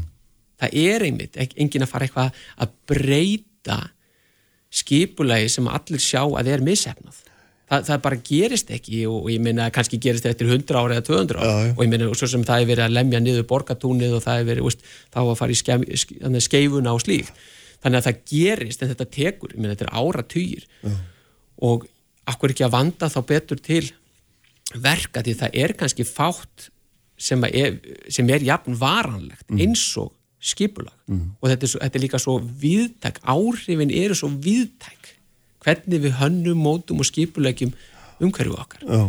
þannig ef við erum að fókusera á sko, veist, ef við búum til gott umhverfi þá erum við að auka veljiðan fólks ef við erum að auka veljiðan fólks þá erum við að búa til betra samfélag og er það ekki það sem við erum að sækjast eftir og, það, og tæknin mm. Það, það er hægt að gera þetta, við erum með þetta ég, ég er með hugbúnað sem getur oh. gert þetta, menn hann er ekki fullkominn hann er ekki, hann er ekki eitthvað hérna endanlegur og ég minna, en það sem vantar nú er bara inbútið inn frá samfélaginu, mm -hmm. frá skipulæginu, frá þeim sem að stjórna, frá vertökonum og framkvæmdaralum, frá almenningi. Við þurfum að fá þetta inn og fá, fá hann að bolta til að rúla, þróast og til að bæta ferlið. Já, og þá ættum við að, hérna, að fá í verlun fyrir það hugmyndir sem okkur hérna, sem láta okkur líða betur þegar við löpum um nærum hverju okkar Við fáum manniskjölar umhverju, nákvæmlega. Það er nú til nokkurs að vinna, myndi ég halda. Það sem er eitt hérna rétt á þannig sleppið, sko, eitt sem er svo áhugavert líka þegar maður fer að lesa í kringum þetta er auðvitað, og sem maður pælin alltaf ekkert í er, er, er, er sko tengingar umhverjus við helsufólks uh, hérna, bæði andlega og líkamlega. Akkurat. sem að menn eru greinlega rannsaka mjög mikið og verðast vera komni nokkurt með einn á að vera á einu málum að það sé, þó, það sé erfitt að skilgrina að það sé mjög mikil áhrif af manngjörðu umhverfi á þessa þætti. Ég, það, er, það er ekki nokkuð vafi að, að, að sko sálfræðin og þessar rannsóknir sem hafa verið síðustu áratíði það er sína það alveg glögglega að það eru ákveðin sko við getum haft smekk og við höfum smekk og smekkur okkar er misjaf en það eru mjög skýrar tilneyingar í ymsa ráttir og það er alveg klárt að ákveðið ákveðin tegund umhverfis hefur slæm áhrif á okkur og önnur tegund umhverfis hefur góð áhrif á okkur það, veist, það er búið að sína fram þá þarf ekki að ræði þetta á einhverjum leveli að þetta sé smekksatri mm -hmm. við þurfum ekki að gera það þetta, þetta, þetta, eru, þetta eru svo sterkir trendar og maður sér það aftur og aftur og aftur og aftur að þá er þetta sama að koma upp úr hvað svonum sko. mm -hmm. sömu niðurstöður náttúrann er góð fyrir okkur. Við viljum ákveðið mikið að fjölbreytileika í okkar umhverfi. Og svo framfins og fram, manniskulegan skala. Mm -hmm. akkur er bara gúttir er við ekki bara? Og vinnum út frá þessu. Í þess að vera með all, einhverja kunstir um það og vera að reyna, sko, reyna að breyta eðli sko, miljón ára þróunar. Og halda við getum gert það. Gúttir er þetta bara, svona er þetta bara. Vinnum út frá því. Uh -huh. er það ekki bara skynsalega? Minnst þetta var hljóma mjög Frábært. Takk fyrir að koma. Já, Takk fyrir mig kjalla hérna, Þetta var fróðilegt allt saman. Eirið hann var hérna hann Jóhannes Þór Skúlason frangatustur í SAF Sprengisandur Alla sunnudaga á bylgjunni. Uppspretta frétta á Sprengisandi á bylgjunni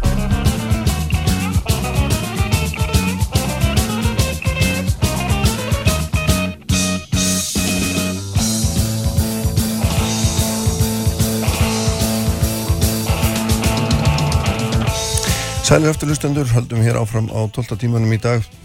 Uh, Jóhann Stór Skúlason sem er frangatastöri Safis, hestur hérna hjá mér, blessaður sæl, velkomin Takk. Gleðild ár. Gleðild ár. Uh, langa þess að þið til þess að svona velta vengum yfir svona nánustu framtíð, getur við sagt. Já, við, við erum í þeirri stöðu að hérna 2020 einhvern veginn, það er datt botnin alveg úr ferðarþjónastunni sem hefði verið okkur gríðilega mikilvæg og er auðvitað að mun verða eh, hérna og við ætlum svo sem áfram að byggja mjög mikið á henni, hún er það sem á að vera þessi svo kallaði viðspilna á að byggjast á henni og við erum með gríðilegt atvinnleysi sem ég sé ekki hvert á að fara ef það á ekki að fara til starfa í ferðarþjónustu þá hérna, veit maður ekki hvert allt þetta fólk á að fara. Og svo en auðvitað vaknar svo grunur að 2020 hafi verið það erfitt að þessi viðspilnu kraftur hann farið með þverjandi og mér langaði þess bara svona aðtúa hvað hvað þú myndi segja við þeirri kenningu og þið Já, sko, þetta er eins og þú segir snýstum tvent. Mm. Uh, Númer eitt, koma fólki eftir í vinnu vegna þess að við vitum að neikvæða samfélagslegar afleðingar atvinnleisis til lengri tíma eru alveg óbóðslega slæmar. Er koma fram á áronum og eftir, þannig að þetta er ekkert sem við sjáum strax. Uh, þannig að við verðum að koma sem flestum í vinnu sem fyrst aftur. Uh, og svo númer tvö að, að ná inn hér gjaldir og verðmættum inn í samfélagið aftur, koma hjólunum aftur í gang uh, til þess að örfa bæði náttúrulega atvinnlíf og, og efnarslíf almennt en ekki síður bara til að koma peningum aftur inn í ríkiskassan já, já. til þess að fylla í gatið sem orðið er. já, eh, þannig að þetta er svona þetta tvent sem, að, sem að við þurfum að gera og þar er þessi atvinnugrein bara í þeirri stöð að hún er, getur verið kvik aftur ef aðstæðunar eru réttar til þess að komast upp, hún getur verið hún er rauninni kannski eini, eini eina raunhafa nálgurinn til þess að, að gera þetta tvent til til að rætt um, akkurat núna aðra rættunugreinar koma síðan í kjálfarið um, það sem að og þetta tekur þetta alltaf í sér í heild en, en þetta er svona kannski vakstar möguleikin það að rýsa upp aftur.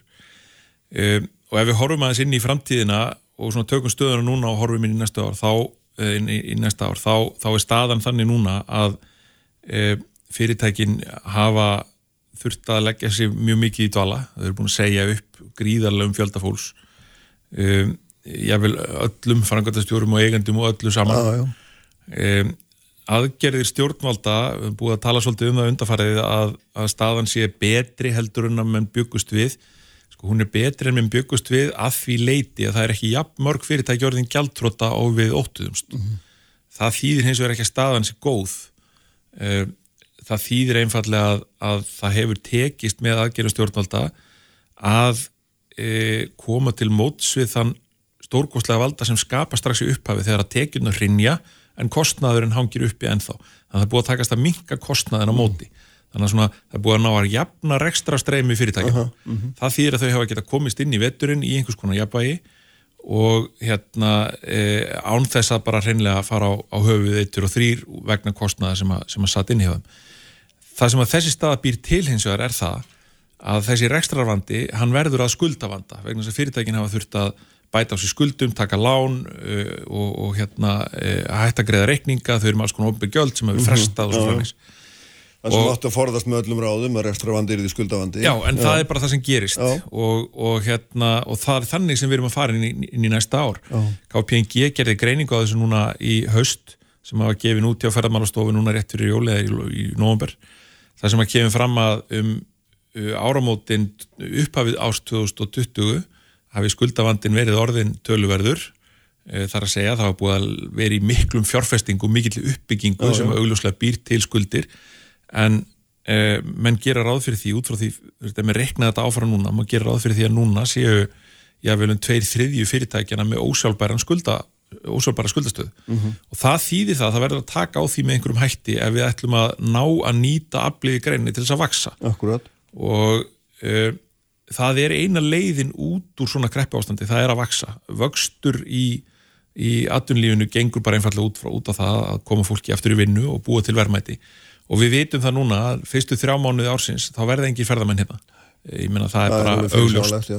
Já, og, og hérna Um, þannig að við getum í fyrsta lagi vonast til þess hugsanlega eitthvað farað að reyfast í, í april það verður mjög lítið, april er yfirlega lélegasti ferðarþjónustu mánuður ársins sjá okkur, þannig mæ kannski mm, mm, og síðan bara verður þetta að taka við sér í júni, júli, ágúst ef við ætlum að ná þeim markmiðum sem verið er að setja fram uh, í, í til dæmis í, í fjárlögum um, um upp undir 900.000 ferðamenn og verðmætti af þeim. Sérum allir með sem sem að Sælabankan sér á þessu að við náum ekki næsta sumri. Já. Það er Sælabankastöri bara beint út. Við getum alveg hort á þá stöðu, hvað gerist ef að, ef að, ef að það myndi rætast, að, við, að næsta sumar bara kemur ekki inn. Já. Þá eru við einfallega bara með uh, efnahagslega stöðu sem er allt önnur vegna þess að fyrirtækin þau lifa ekkit af annan vetur í hérna uh, með í raunni algjörlega mínimal tekjur veist, tvö ár af tekjuleysi er ómikið fyrir fyrirtæki. Það er hægt að lifa af eitt ár og einn vetur með þessari aðstóð og öðru sem hefur verið gerð. En það sem við stöndum fram með fyrir núna er það að til þess bara einfallega komast í gegnum þetta ár og lendi ekki í fjöldagjaldrótum í haust þrátt fyrir það að það komi eh, ferðamenn hér í sumar mm -hmm. þá þarf núna að horfa til leiða sem að geta tekið á þessum skuldavand og þá er ekki að tala um eh, aðstóð ríkisins sem er svona eh, peningar upp úr vasanum sko, einhver, einhver fjárútlát heldur eh, við þurfum að horfa til til dæmis leiðana sem fóru farnar hér eftir hrun eins og beinubrautarinnar þar sem að var gert samkómulega einfallega á milli þar sem að, segja, að eigandur kröfuhafar fjármálastofnanir og hefur ofinbera lögðust á eitt gerðu sér samkómulag um það hvernig væri hægt að búa til svona skapalón fyrir fyrirtæki að vinna sér út úr skuldavanda og þetta er það sem að þarf að gerast núna. Mm -hmm. við þurfum líka að horfa á hvar eru svona ennþá sértækir podlar eftir af hlutum sem að er ekki búið að taka nægilega vel á, þar vil ég nefna sérstaklega fastegna skatta á sveitafélagunum sem að sem að eh, í raunni Ég sá margra mánuða margra mánuða gamla grein eftir því um þetta nákvæmlega, það hefur ekki, ekki treyfst í því Það hefur ekki treyfst í þessu því miður og, og og hérna og ég segi bara hreint út þarna að það er ekki bóði fyrir sveitafjölögin að fela sig bara bak við pilsfald lagagrænuna mm -hmm. við verðum að setjast niður og, og ræða hvernig er þetta að gera þetta vegna þess að fyrir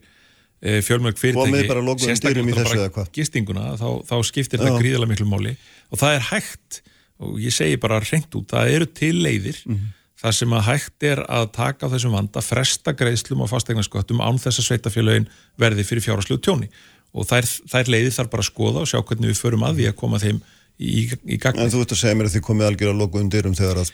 Ég segi hvað? það nú ekki, fólk, fólk er auðvitað opið til þess að ræða hlutina en, en það hefur ekki verið mikill vilji þegar við höfum sendt uh, erindi á sveitafjölögin, bæði landsambönd, eh, einstakar sveitafjölög og, og sambandið þá fáum við náttúrulega bara þau sögur að sveitafjölögin geti lítið hreift síðusu, þetta mm. séu tekjur sem að þurfa standa undir lögbundnum ah, Uh, hérna hlutverkum og og slíku og síðan er bara lög í landinu sem að, sem að komi veg fyrir að þau geti nokkuð gert og mm. ég, ég hef fullan skilning á þessu, þetta er auðvitað allt saman rétt hjá þeim en það er hins vegar hægt og við erum búin að identifera leiðir til þess að gera þetta mm. uh, við höfum rætta við, við ráðanýtti sveitastjórnmála og, og við höfum óskætti að ræða við sambandi líka og gerir ráð fyrir að það muni gerast og í, í samhengi þessar aðila þarf bara að finna leið út af þessu, þetta er svona einn, einn af þessu punktum en en í heldina verður við að skoða núna leiðir til þess að taka á þessum skuldamálum til þess að vinna úr þeim og eitthvað skinsamlegan máta alveg eins og var gert eftir hrun mm -hmm. til þess að við náum vextinu. Vegna þess að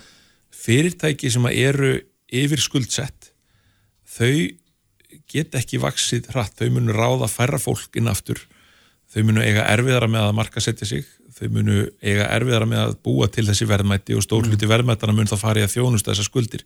Þannig að að eh, þetta er eh, raunverulegt vandamál sem við þurfum að taka á. Þetta er bara næsta skref og ég hef verið að segja það að það mun taka greinina svona þrjú-fjögur ára að vinna sig út úr þessu áfalli. Oh. það verður að gera sér grein fyrir því að þetta er, þetta er gríðalegt áfall og, og hérna e, það hefur komið upp öðru hverju svona já en íbyrna var ekki bara hérna ég veist undir verið spurðu sko, var ekki bara off-fjárfestingi greininni og var ekki, voru mér ekki bara byggja mikið af hótelum og, og, og kaupa mikið af bílum og eitthvað svona. Og ég segi, ég meina, sko e, þetta er alveg valit pælingar sko ef við værum að tala bara um svona eðlilega neðsöflu sko. já, já, en það er sko heimshrun í þessi rættunum það má vel vera að hafa verið okkur ofjárfestingu það er ekki hægt að vera saman ofjárfestingu og horfa eftir á sko. Nei, 2020 hindsight er alltaf fullkominn sko. en það, það sem þú ert að lýsa ef við erum að vísa til upphafs spurningar minnar er mm. þá staðar sem að er þar sem að viðspilnum krafturinn er kannski mun minni heldur en hann þyrta að vera Ég held að viðspilnum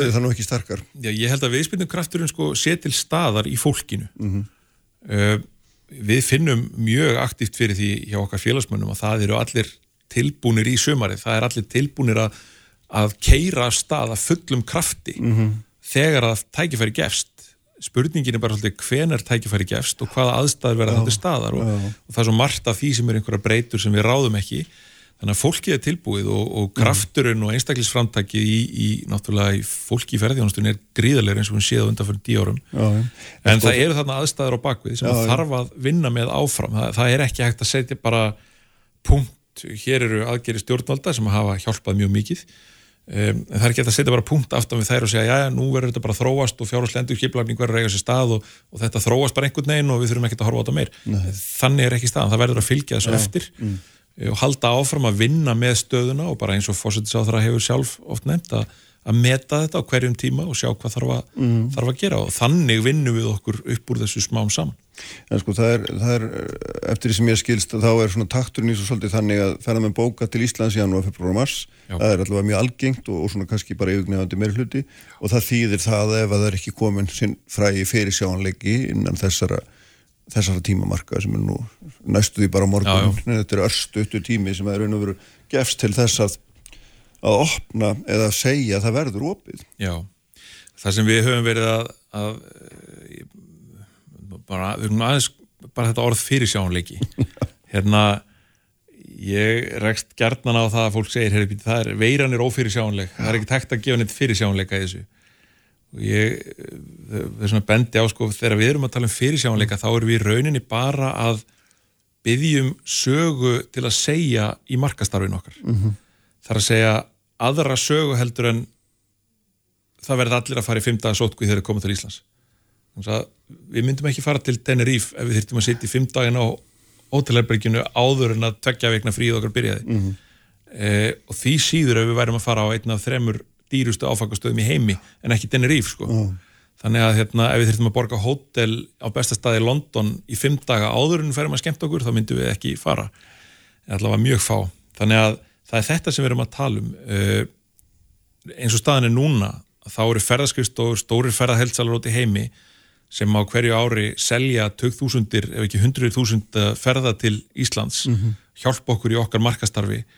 Uh, þau eru í rauninni að prenta bæklingarna sína núna já, já. og þurfa að vita hvernig staðan verður hér inn í, inn í sumari þar að segja hvernig má búast við því að ferðamæðurinn hvernig, hvernig verður tekið á mótunum á landamærunum eftir því hvernig einhver ákveðin staða er já.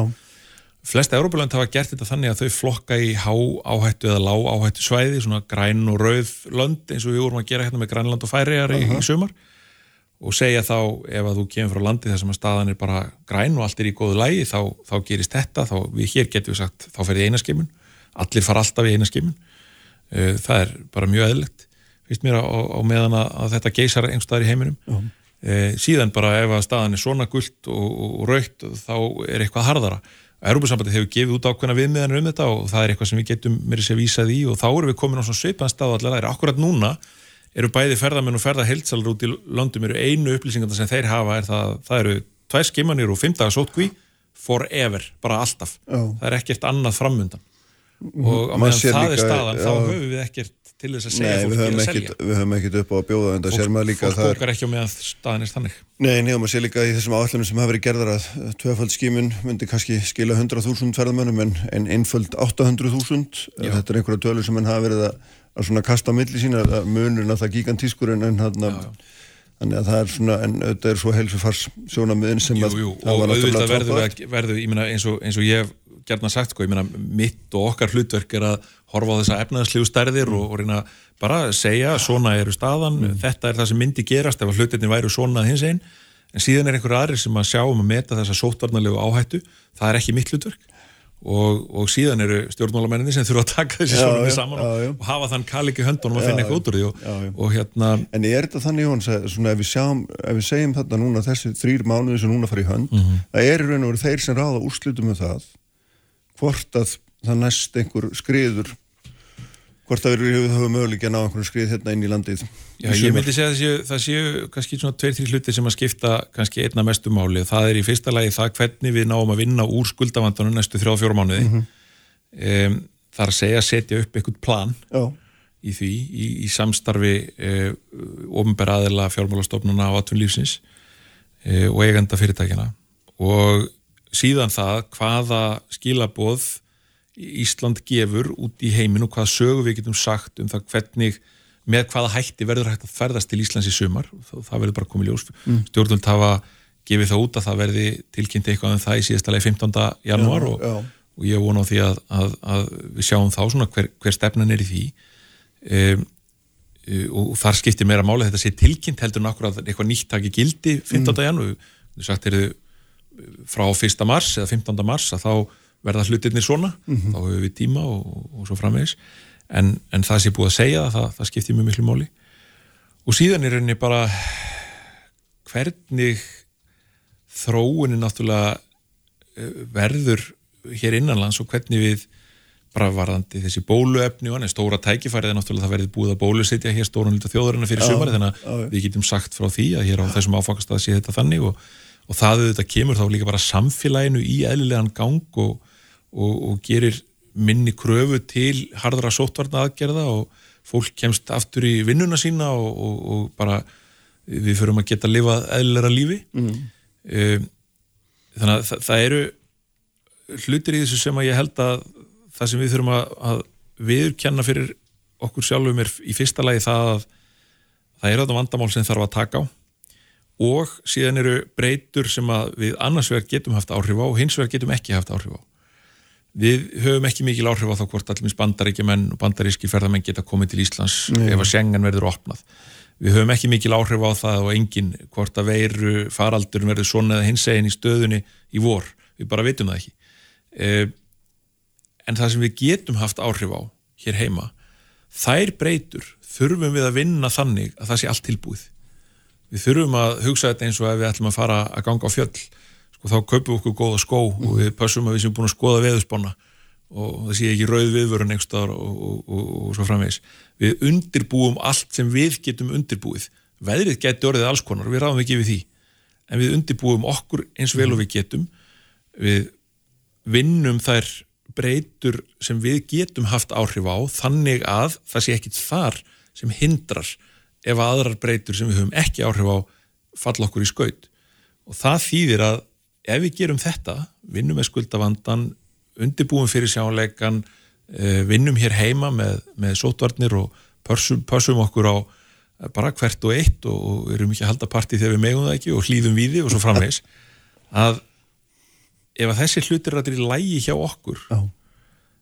þá getum við ekki barið okkur í hausin í júni og sagt æg við hefðum átt að gera eitthvað öðruvísi vegna þess að þetta er nú þannig að, að ef að ófyrirsjánlegu breyturnar falla mm okkar megin þá getur það hjálpað þeim sem er búin að undirbúa sér vel gríðarlega mikið. En þú ert að lýsa eftir plani og það helst tiltrúlega fljótt. Við þurfum að, við þurfum að leggja upp plani á og, og vinna áfram í þessum hlutum. Þetta er kannski meira það að við þurfum að passa upp á það að vinnan er ekki búin þetta er bara, við erum núna búin með eða segja, fyrsta leikluta og það eru, það eru fjóri leiklutar eftir sko, Já. eða þrýr er ekki, er ekki fjóri leiklutar í svona vennilegum fótbolltalega, korfbólta ekki fótbolltadrengur, það eru bara tveir. Heyrðu, við sjáum hvernig þetta fer allt saman hérna, þetta var frólikt, við vonum að hérna, vonum að úrrætist á sem bestan við Takk. Takk fyrir að koma Jónis, ég ætla að tjalla hérna Það fella hér um gagsæg og spillingu og annars lík mála eftir mig Guðrúnu Jónsson og, og Árna Múla Jónasinni fyrir eftir öllum blik. Alla sunnudaga á bylgjunni. Kraftmikil umræða alla sunnudaga. Sprengisandur á bylgjunni. Sælilistundur, þá erum við konir hér að loka sprettinum á Sprengisandunum þennan sunnudags morgun. Farinni frá mér Jóhannes Þór Skúlason, uh, eh, fangandastöður í SAF sem að fór hér yfir stöðun í ferðarþjónustunum eða, eða að segja, horfið aðeins í Orðan sé hérna gegn framrúðuna inn inn í næstu mánuði til að sjá hvað svona þarf að gera til þess að við höfum þar einhverja viðspyrnu ef að möguleika skapast. En nú ætlum ég að fara í alltaf nefni þau eru komin til mín Guðrún Jónsson og Átni Múli Jónasson. Uh, velkomin bæði, gleðild ár. Þið eru hérna annars vega Guðrún auðvitað gestur hér löngum uh, hagfræðingur og Átni Múli prangöldastjóri þið eru komið hér á vegum Transparency International. Hefur þetta eitthvað Íslands heiti eða hvað? Nei, í rauninni er, er, er tilgangurinn sá að setja upp útibú Transparency International á akkurat, Íslandi. Já. og nú er sagt komið að því, þetta er langt aðeldaferli, við, erum, við erum, erum hérna núna komið heimil til þess að beita okkur fyrir hönd þessara alþjóðlegu samtaka sem starfa í, í hund, yfir hundra löndum, Já, Eh, 28 ára gömul samtök sem eru búin að byggja upp innviði, eh, svona þekkingu, fræðsluefni og ímislegt sem, að- sem að getur hjálpað okkur í að, að styrkja okkar spillingavarnir í okkar samfélagi. já, Við erum uh, síðust Norðurlanda til þess að koma upp svona uh, deild sem Aha. er alltaf bæði gaman að leggsis að vera koma með þetta á, laginnar en það er alltaf mjög mikilvægt að, að, að hérna, til þess að- starfið verði upplugt að, að, að fólk flikist í kringum þetta og, og gerist að- félagar að samtökunum Um, en sko þetta er ekki, þetta eru svona fyrst og fremst eh, samtök sem, að, sem eru upplýsandi, þau eru fræðandi, þau veita insýn og, og, og hérna og stuðning eh, gagvart öllum þessum eh, borgara samtökum sem hafa verið sett upp sagt í víðam lönd í að halda svona á lofti þessum málstað sérstaklega.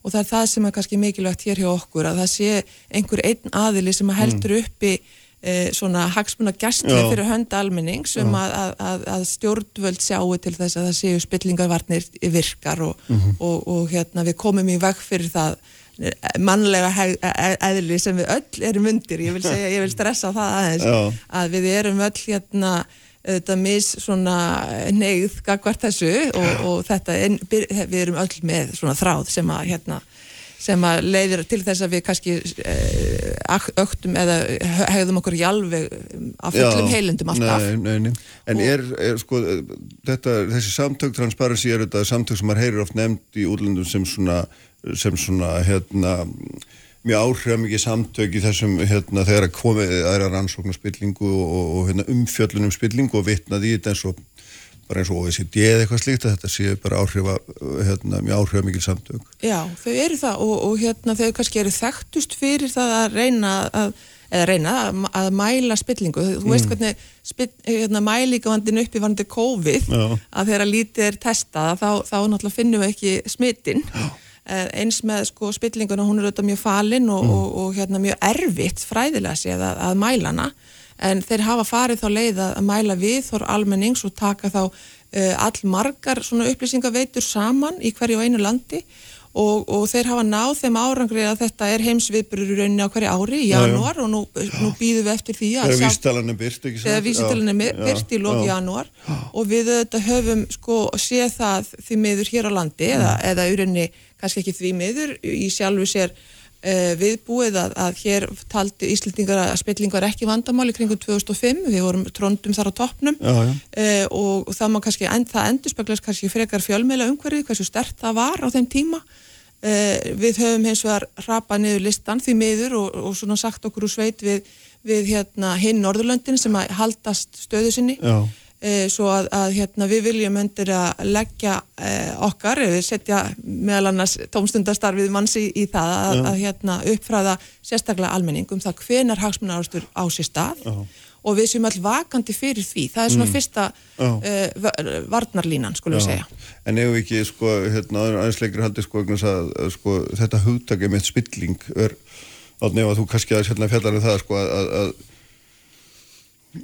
það er að mjög merkilegt að fyrir 2008 þá heyrðist þetta eiginlega aldrei á Íslandi nema í samhengi við einhverja aðra þjóðir, hérna, mafían væri spilt á Ídalju og svo framvegis og svo framvegis, við töluðum ekki mikið um þetta í samhengi við okkur sjálf, fannst við ekki vera spilt og hérna, ég veit ekki, er, er En svo hérna, kom hrunnið og þá held fólk að við verum bara spiltastu þjóði heimi sem við auðvitað erum nú ekki en þannig að þetta við sveiflum svona þessu afgan á milli en erum við spilt og er, er einhver ástæð til þess að vera með svona samtök hér sérstaklega? Já, ég held að það sé alveg auðljóst mál að bæði það sem hefur gerst, uh, hvað ég var að segja, ég held nú að sko, það hefur verið sjálfsblekking þegar við töldum okkur ekki vera spilt.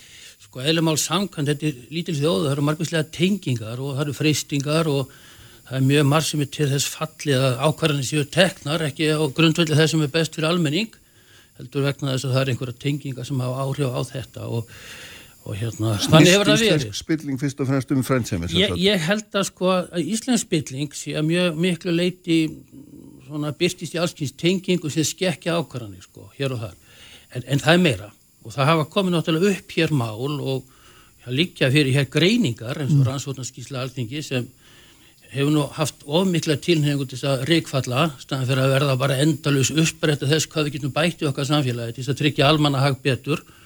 E, Panamaskjölin, annað dæmi þar sem 600 Íslendingar komið við sög og vakti heimsatikli eins og hérna bankarhunnið Uh, og síðan hafa komið upp, upp hérna, fleiri mál og ég ætla ekki svo mikið að rekja þau en á síðasta ári voru allmörg mál þar sem ég stór hluti Íslendinga taldi og ég held að það hefur verið best bísna sterkur auk fyrir því að það væri verið að fara með vald uh, ekki axla ábyrða þeim sem fórum með vald og svo framvegis með Mhm. eðlögum hætti með, með tilliti þess að við Þetta getur við allt saman felt undir þessa einu regli og kalla spillingu. Já, það er náttúrulega mjög sko. mikill munur á þessum málum já, sem þú já, ert að tellja upp. Algjörlega, það er spillingar mjög margþætt svona, og það raunar ekki til neinn eina alþjóðlega viðurkend uh, skilgreining alþjóðastofnanir, alþjóðabankin sem best gerð fátætt í heiminum hefur skilgrein spillingu sem kannski mestu ógnina við efnaðslega framþróum fátakra landa.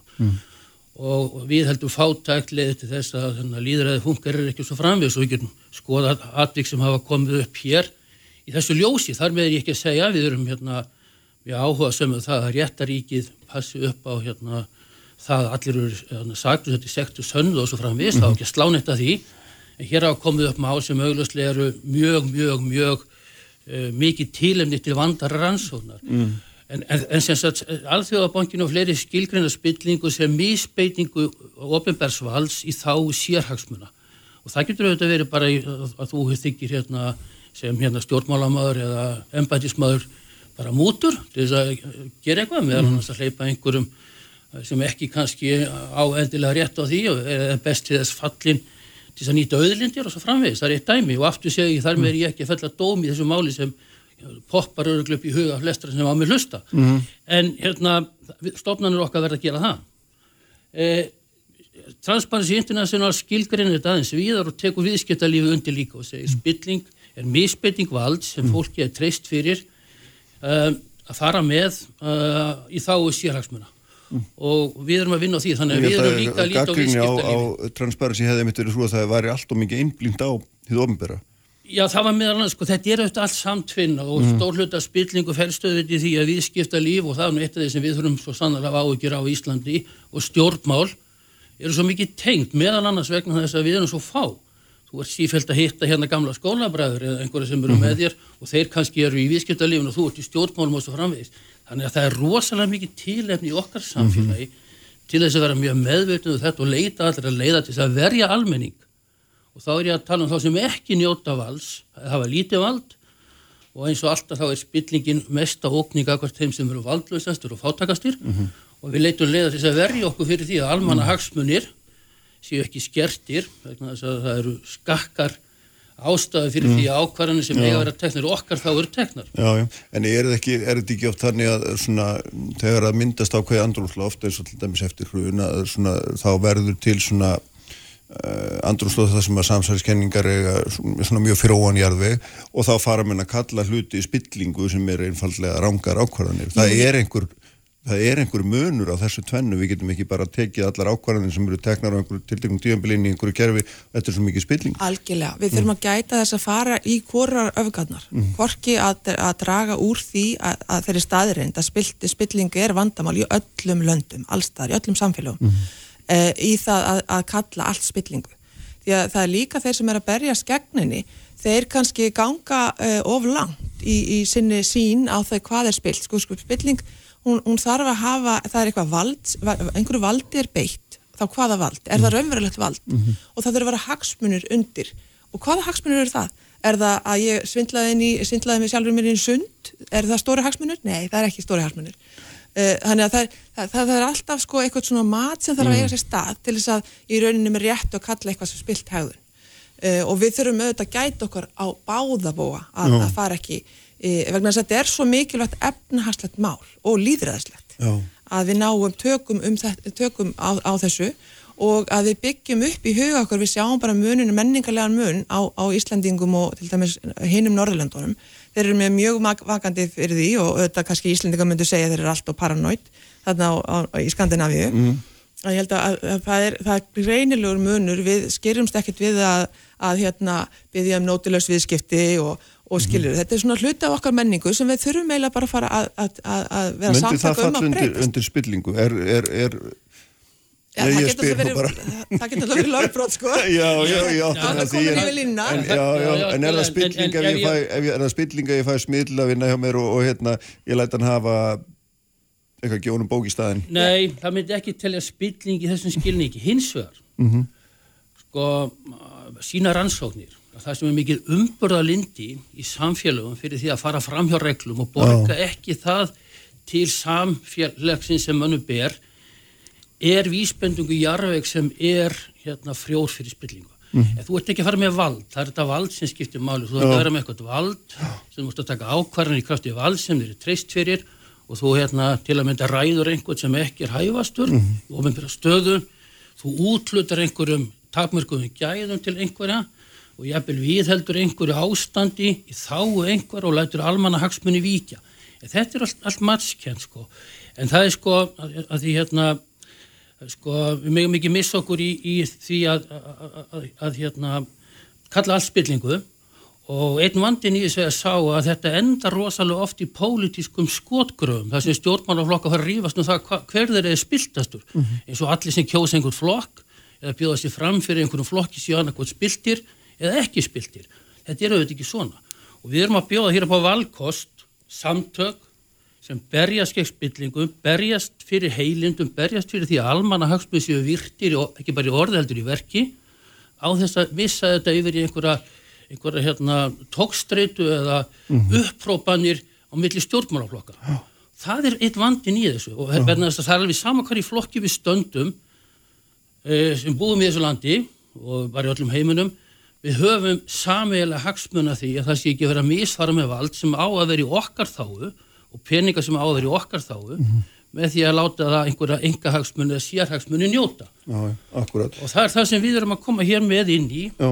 Allir sem hafa áhuga, við hvetjum alla sem hafa áhuga til þess að koma til, ganga til félags okkur og standa með okkur í þessu og reyna að verja okkur svolítið fyrir því að þetta mikilvæga viðfansefni að vinna gegn spillingu verði, verði tekið af stjórnmálaflokkum og eiginlega bara nota í einhvers konar hérna, skýtkasti eða, eða hérna, snjókasti þeirra á milli. Þetta er allt og mikilvægt til þess. Akkurat, en í öllu svona er náttúrulega líka mjög mikilvægt að svona átt að sjá því hvaðan upplýsingar koma, hvernig þær eru notaðar, hvaða viðmið líka til grundvallar og fórsendur og svo framvegis og, þarna, og, og, og þetta er náttúrulega svona þegar maður fyrir að velta fyrir sér að það kom einhver samtök og þau fara að gefa út einhvern spillingar hérna, vísitölu og, og hvaðan hafa þau upplýsingarnar? Hver, hvernig upplýsingar eru þeir að vinna með? Hvernig nota þær upplýsingarnar? Og er eitthvað frekarægt að treysta þeim fyrir meðferð upplýsinga heldur en einhverjum öðrum? Tvent í þessu, Já. það er annars vegar sko að, að hérna, alþjóðbankin, alþjóðstofnanir í rauninni og Transparency International er bara búið að festa í sessi sem ábyrgur aðili til þess að mæla spillingu eins og hægt er að gera. Það. Við getum ekki ætlast til meira heldur en hægt er að, að, að, að, svona, að leggja fram. Uh, en, eh, og hitt er hvaðan koma upplýsingar, þetta er sannarlega það sem að bladamaður, góða bladamaður á að spyrja sig. Og þess vegna eru Transparency International uh, samtökin öll í því að reyna að styrkja fjölmiðla. Og það er helsti bandamaður í rauninu samtakana í að uppræta spillingu. Og rauninu miklu framar heldur nokkuð með einhver svona samtök. Samtökin eru þetta, veist, hérna, talsmaður almenning, skakvart valdi, almennt, en, en það eru fjölmiðlarnir sjálfur og, og rannsóknar bladamenn sem að, sem að hérna, sækja upplýsingarnar, leggja mat á þær og eru þjálfaðir í því og þannig upp, sérst, upplýsa um spiltahegðun eða lögbrot. Já. Og auðvitað þarna kemur líka eins og mikilvægt sem við erum eh, sem betur fyrir búin að ná og, og, og svo sannarlega tilefni til þess að hrósa núverandi stjórnvöldum að, að koma á löggjöf sem erum bara að taka í, í, í gildi núna 1. janúar eh, og það er vernd eh, fyrir, lögvernd fyrir upplýsturara. Þeir sem að koma upp um, upplýst, um, um hérna um uh, spiltahegðun, þeir þurfa að njóta verndar til þess að þeir geta haft bara ísjóa á vegna þess að við vitum að, að sá sem er spiltur, hann fer beint í mannin og gerir, gerir handtortrikilegan mm og, og reyna að dra- slá rík í augum all, allra hinna sem horf, á horfa. Þannig að þetta er verkefnið. Já, Og svo líka ég má bæta við, Já. sko, það, það sem við erum að leggja áherslu á er það að að við, við erum ekki alltaf að elda, hvað var segja, skottið á okkur og hérna, þvargum það hvað spilling hafa ásist að finnum leiðir til að setja upp spillingarvarnir. Og það eru þekta leiðir. Uppljóstrara frumvarpið er leiður í því að vernda þá sem hafa kjart til að koma fram og segja frá því sem þeir telja að sé vera að misfara með vald í þá enga hagsmuna sem eiga að vera í þáu almennings. Þetta er ekki bara spurningum pening, þetta getur verið spurningum gríðarlega, gríðarlega umhverfishagsmunni, það verður að taka einhverja ákvarðanir hvað það umhverfismál og skökkum fósendum, þannig að einhver er búin að kaupa sig einhvern veginn þannig inn í hérna ákvarðanatökuna eða með einhverjum hætti af áhrif á hana, en það er þessar stopnarnir og frjálsi fjölmiðlar að þeir njóti vendar og virðingar og sami uppljóstrara og við þurfum að horfa stjöfu það að það geta verið gríðarlega valdamiklir aðilar með mikinn auð sem eru bortni sökum með réttuða röngu og, hérna, og þeir munu verjast og þeir munu reyna að beita hótunum og óknunum og reyna að svifta fólk möguleika til lífsviðuværis. Við þurfum að verja þetta og byrja virðingu fyrir þessum aðalum og svo er þessar stopnarnir. Mm. Óháðir, uh, óhlutra í domstólar, algjört grundvallaratriði sem njóta tröst með réttu. Þess vegna er afar óhefilegst og ekki sem meira sagt og ætla ég ekki að vera dómar í því hverju voru ástæðunar. Það skildi taka svona illa til þegar vorum að gera hér mikilvæga breytingar okkar dómskerfi. Að þetta, þetta veiki tröst og leiði til þess að við erum með verri varnir meðal annars hvað var það spillingu. Stopnarnir umbásmaður alþingis, það greiðt áhugjafni. Þegar hann gerði grein fyrir skýslu sinni í alþingi núna nýla og hann að fyrðulegt að alþingi skildi ekki fjalla miklu meira um það, þá segir hann að það er búið svo illa umbættinu, sem er alveg líkil umbætti hvað var það spillingavarnir, hann getur ekki verið með frumkvæðisatúin, hann getur ekki gert ímislegt sem augljóslega þarf að vera í ríki sem ætlar að standa sig í því að mm. verja almenning fyrir því að stjórnvöld misfæri með vald. E, aðra stofnir þessi ekki það máli ríkisendurskoðun, líka í umbúið alþingis, spillingavarnir sem fylgja slíkur stofnir sem búið vel að henni, samkjæmniseftilít, það var að koma núna nýlega skýrsla, bara rétt fyrir jólinn, það sem kemur fram að þriðjóngu þeirra sem starfa í atvinnulífi telji að það sé verið að brjóta ekki reglum um samráð í viðskiptum á Íslandi, mm -hmm. sem þýður að almenningur og neytendur gjalda lífskjör resna ef rétt er, já, já ef rétt er, ég meina þeir eru spurning sjálfur og þeir já, segja þetta, þetta en allt í sambandi við þetta er erfitt vegna þess að sko, spillingar og öðruvísi en flest brota því litið til að það er einhver sem er augljós brota þóli og hann kærir og bersi eftir réttlætinu. Hjá okkur er það yfir tannig að það er eh, spilling er yfir tannig að það er annarkort svo spilti og svo sem, sem nýtur spillingar og þeir hafa báðir hagsmunna því að leina spillingunni og við almenningur erum sem sagt vitum ekki mm -hmm. af henni. Mm -hmm. það gerir þetta viðfóðsefni flóknar þetta er alveg brot. En hvernig, hvernig verður við vör við ykkur Guðrún, sko í í einhverju framtíð, Hva, hvað er það sem að þið ætlaði að gera fyrir utan að þið nefni þennan, þennan þessa, þessa vísitölu sem að gefin út á alþjóðasamtökunum í loki januar en hva, hvernig að öðru leiti svona Já, hvernig, hvernig starfið þið? Já. já, það er sko, hérna þakkaði fyrir þessa spurningu Sko það, það er alltaf hluti af uh, verkefninu er til dæmis að, að þykja þau bóð frá alþingi að koma með e, e, umsagnar um lagafrömmur og mm. kanna það sérstaklega til dæmis hva, hvort að Íslandingar og við höfum staði við okkur alþjóðlega skuldbindingar sem við höfum gengist undir varðandi, varðandi spilningaverkir og komaðum upp og halda úti bara þrýstingi á stjórnvöld að, að sinna þessu málaflokki. Og við erum náttúrulega að fá frá uh, Evroparáðinu og, og, og OECD áminningar um það að ekki, þeir, við höfum ekki settar upp, kannski vegna þess að okkur hefur ekki fundist spillingi vera vandamál framannaf uh, og, og það er þetta bara sko margar skýringar á þessu og við erum ekki að erum ekkert að leggja dóm eða, eða slikt, við erum bara í þessu stöðu og við verðum að taka þetta alvarlega mm -hmm. eh, hluti af því, bara ég sem háskólakennari, ég get sagt frá því eh, eh á þess að, já held ég geti mér sér óvægt að segja frá því að ég hef í gegnum tíðina lagt, lagt svona bónusspurningu í, í prófi, nú, mm. nú er allir stúdendur sem að fara í bara garantífi spurninguna tímafélagi á mér. Kemur ekki, ekki aftur.